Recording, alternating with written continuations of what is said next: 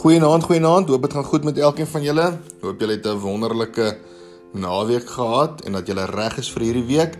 Hierdie week se tema is High Five vir 'n man wat nederig is. Ons gaan kyk na 'n klomp mans in die Bybel en ons gaan vir hulle high fives gee hierdie hierdie hierdie week. Vanaand begin ons deur na 1 Korintiërs 15 vers 9 tot 10 te kyk. Het julle al gehoor my pa se bakkie is tog groter as joune? Het julle al gehoor hoe mense so praat? Wanneer mense probeer wys dat hulle goed beter is as ander mense is in sin is, wat doen ons? Ons spog of ons bereg.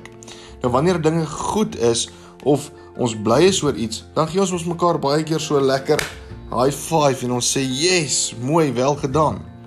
Nou daar is niks fout daarmee om die goeie dinge in die lewe te vier nie. Inteendeel, ons gaan juis hierdie week vir Bybelse mans wat goeie goed gedoen het, high fives gee. Ons gaan dit doen deur ons hand te gebruik om die stories van Paulus, Jonathan, Abraham, Josef, Petrus en Esau te onthou. Vandag begin ons sommer by die puntjie. Nou die puntjie is baie belangrik, belangriker as wat ons dink dit is. Maar die puntjie spog nie daaroor nie. Die puntjie is die kleinste vinger en dit herinner ons dat ons geroep word om nie te spog oor dit wat ons het nie. Nou Paulus is 'n goeie voorbeeld van iemand wat rede het om te spog. Hy het ten minste vir die Joodse Christene van sy tyd baie goeie goed gedoen. Paulus skryf egter alles toe aan wie God is en wat God gedoen het en hy vat nie die eer vir homself nie.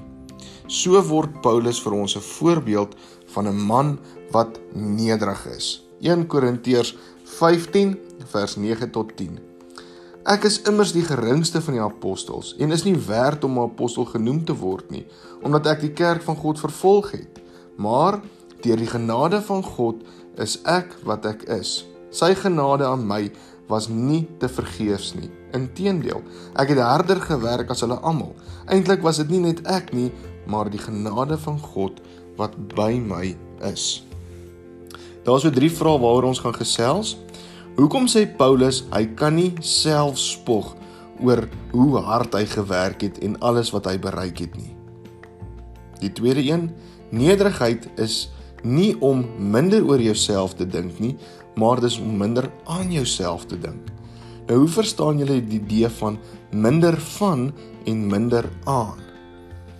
En waaroor is jy geneig om te spog? Waaroor spog jy? Waaroor breek jy? En wat doen jy wanneer ander mense spog of breek en jy wil nie sleg lyk voor hulle nie? Speel jy saam, spog jy saam of staan jy maar net nederig daarso? Iets wat jy kan doen is gaan kyk dalk iets waaroor jy trots is. Iets wat jou iets wat jou trots maak, iets wat jou jou maak en dit waar jy trots is. Deel dit met mekaar en dan gaan na die Here toe en gaan bid. En sê vir die Here, dankie dat hy jou kan gebruik deur dit wat jy doen om ander mense se lewens te kan bereik en vra die Here om jou nederig te hou. Here, soms is dit vir ons maklik om te spog. Soms is dit vir ons maklik om om om beter en en en groter as onsself te word. Maak dat ons nederig sal wees, Here. Maak dat ons stil sal wees. Maak dat ons sal besef dat dit wat ons het kom van U af en alles gaan net oor U. Maak dat ons minder oor onsself sal dink, Here. En meer oor U sal dink en meer hoe U in en deur ons werk. Dankie dat ons dit vir U mag vra. Amen. Mooi aand verder.